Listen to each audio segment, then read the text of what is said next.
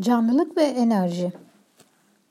Bir hücrede yaşamın devamını sağlayan tepkimelerin gerçekleşebilmesi için hemen her evrede enerjiye gereksinim vardır.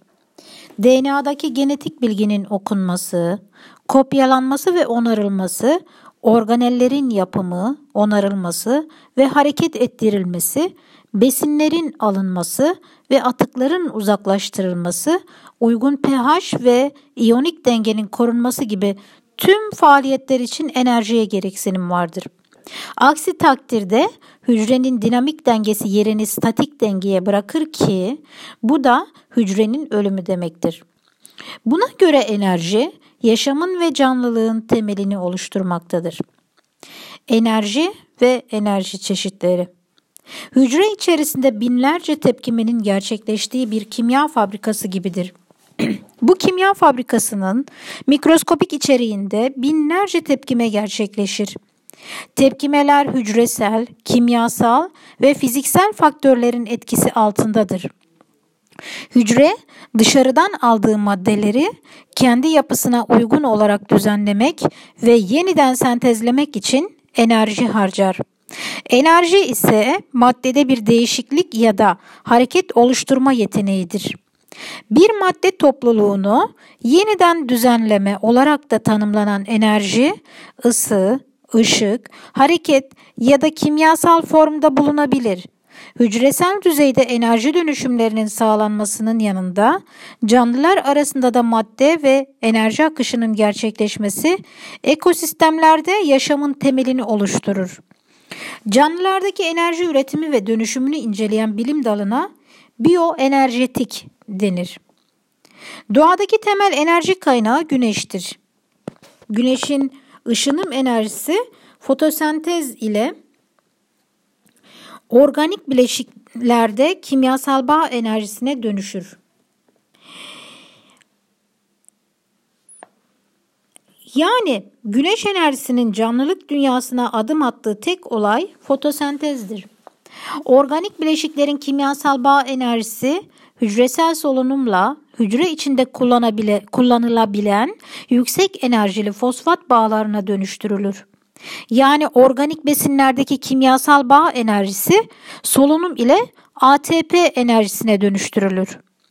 Enerjice zengin fosfat bağlarının kimyasal enerjisi ATP yani ATP enerjisi hücrede enerji gerektiren tüm metabolik faaliyetlerde kullanılır. Bu dönüşümler sırasında bir miktar enerji ısı olarak çevreye yayılır. Bitkilerde mitokondri ve kloroplast organelleri, hayvanlarda ise mitokondri organelleri ileri derecede enerji dönüştürücü birimler olarak görev alır. Canlılar dünyasında kimyasal enerji sinir sisteminde elektrik enerjisine, kas hücrelerinde mekanik enerjiye, ateş böceğinin ışık saçan organında ışık enerjisine dönüşür. Bilindiği gibi enerji ne yoktan var edilir ne de vardan yok edilir. Yalnızca bir biçimden diğerine dönüşür. Canlı sistemlerde en fazla kullanılan enerji şekli ise ısı, ışık ve kimyasal bağ enerjisidir. Bunlara bir değinelim. Isı enerjisi dedik. Canlı organizmalar besinlerdeki kimyasal bağ enerjisini kullanarak ATP moleküllerini sentezlerken bu enerjinin bir bölümü de ısı enerjisine dönüşür.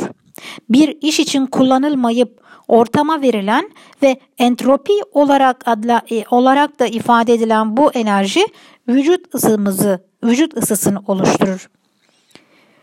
Gelelim ışık enerjisine. Bu da doğada var olan maddelerin büyük çoğunluğu canlı ve cansız sistemler arasında döngüsel olarak kullanılırken güneş ışığı tek yönlü bir akış gösterir.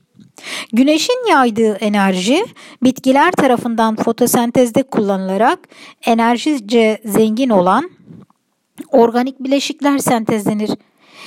Ee, yani fotosentez güneş enerjisinin kimyasal bağ enerjisine dönüştüğü, dönüştürüldüğü tepkimeler dizisidir. Kimyasal bağ enerjisine gelirsek eğer iki veya daha fazla atomu bir arada tutan çekim kuvvetine ne diyorduk? Kimyasal bağ e, diyoruz. Atomların kendilerine has bir iç enerjisi vardır.